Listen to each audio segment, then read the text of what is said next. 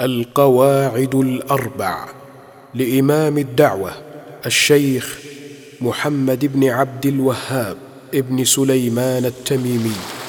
بسم الله الرحمن الرحيم.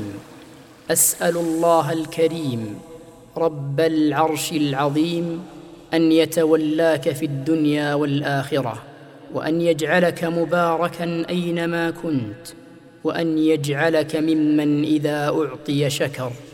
وإذا ابتلي صبر وإذا أذنب استغفر.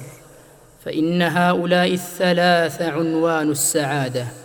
اعلم أرشدك الله لطاعته أن الحنيفية ملة إبراهيم أن تعبد الله وحده مخلصا له الدين. وبذلك أمر الله جميع الناس وخلقهم لها. كما قال تعالى وما خلقت الجن والانس الا ليعبدون فاذا عرفت ان الله خلقك لعبادته فاعلم ان العباده لا تسمى عباده الا مع التوحيد كما ان الصلاه لا تسمى صلاه الا مع الطهاره فاذا دخل الشرك في العباده فسدت كالحدث اذا دخل في الطهاره كما قال تعالى ما كان للمشركين أن يعمروا مساجد الله شاهدين على أنفسهم بالكفر أولئك حبطت أعمالهم وفي النار هم خالدون. فإذا عرفت أن الشرك إذا خالط العبادة أفسدها وأحبط العمل وصار صاحبه من الخالدين في النار عرفت أن أهم ما عليك معرفة ذلك. لعل الله أن يخلصك من هذه الشبكة وهي الشرك بالله وذلك بمعرفة أربع قواعد ذكرها الله تعالى في كتابه.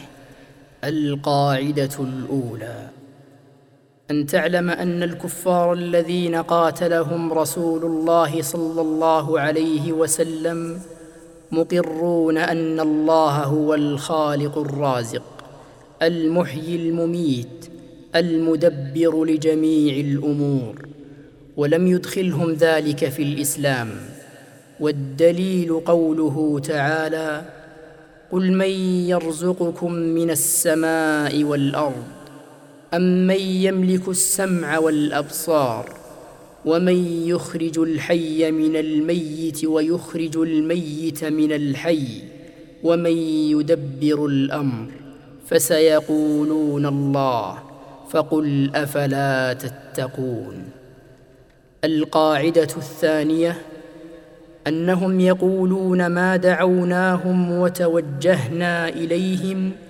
الا لطلب القربه والشفاعه فدليل القربة قوله تعالى والذين اتخذوا من دونه أولياء ما نعبدهم إلا ليقربونا إلى الله زلفى. إن الله يحكم بينهم فيما هم فيه يختلفون.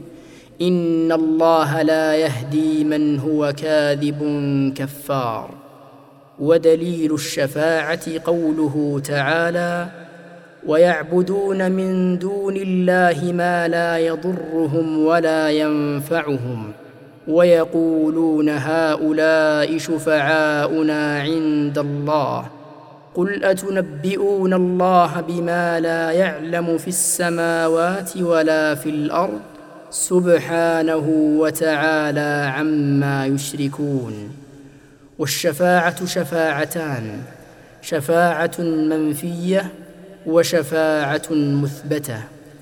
فالشفاعة المنفية ما كانت تطلب من غير الله فيما لا يقدر عليه إلا الله والدليل قوله تعالى يا أيها الذين آمنوا أنفقوا مما رزقناكم من قبل أن يأتي يوم لا بيع فيه لا بيع فيه ولا خلة ولا شفاعة والكافرون هم الظالمون. والشفاعة المثبتة هي التي تطلب من الله والشافع مكرم بالشفاعة والمشفوع له من رضي الله قوله وعمله بعد الإذن كما قال تعالى من ذا الذي يشفع عنده إلا بإذنه القاعدة الثالثة أن النبي صلى الله عليه وسلم ظهر على أناس متفرقين في عباداتهم. منهم من يعبد الشمس والقمر ومنهم من يعبد الملائكة ومنهم من يعبد الأنبياء والصالحين ومنهم من يعبد الأشجار والأحجار. وقاتلهم رسول الله صلى الله عليه وسلم ولم يفرق بينهم. والدليل قوله تعالى وقاتلوهم حتى لا تكون فتنة ويكون الدين كله لله. فدليل الشمس والقمر قوله تعالى ومن آياته الليل والنهار والشمس والقمر. لا تسجدوا للشمس ولا للقمر. واسجدوا لله الذي خلقهن إن كنتم إياه تعبدون. ودليل الملائكة قوله تعالى ويوم يحشرهم جميعا ثم يقول للملائكة أهؤلاء إياكم كانوا يعبدون. قالوا سبحانك أنت ولينا من دونهم.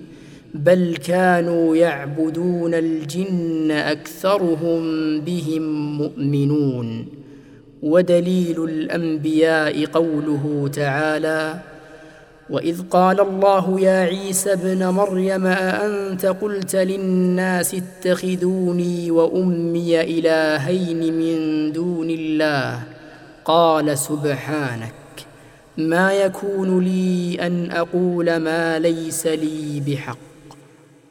ودليل الصالحين قوله تعالى قل ادعوا الذين زعمتم من دونه فلا يملكون كشف الضر عنكم ولا تحويلا.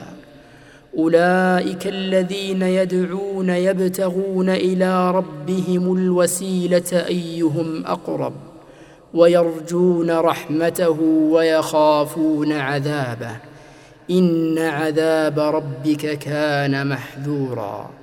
ودليل الأشجار والأحجار قوله تعالى أفرأيتم اللات والعزى ومناة الثالثة الأخرى. وحديث أبي واقد الليثي رضي الله عنه قال خرجنا مع رسول الله صلى الله عليه وسلم إلى حنين. ونحن حدثاء عهد بكفر وللمشركين سدرة يعكفون عندها وينوطون بها أسلحتهم يقال لها ذات أنواط. فمررنا بسدرة فقلنا يا رسول الله اجعل لنا ذات أنواط كما لهم ذات أنواط. فقال رسول الله صلى الله عليه وسلم الله أكبر إنها السنن. قلتم والذي نفسي بيده كما قالت بنو إسرائيل لموسى اجعل لنا إلها كما لهم آلهة. القاعدة الرابعة. أن مشركي زماننا أغلظ شركا من الأولين لأن الأولين يشركون في الرخاء ويخلصون في الشدة ومشركو زماننا شركهم دائم في الرخاء والشدة. والدليل قوله تعالى فإذا ركبوا في الفلك دعوا الله مخلصين له الدين.